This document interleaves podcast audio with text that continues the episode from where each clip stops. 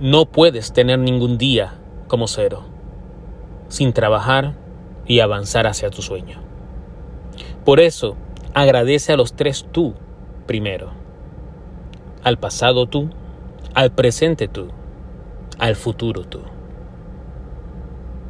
Agradece al pasado tú por las lecciones aprendidas, incluso las que te dejaron en una cruz. Perdona al pasado tú por aquellas tentaciones que te tenían en esclavitud y por esos errores que te dejaron con ingratitud.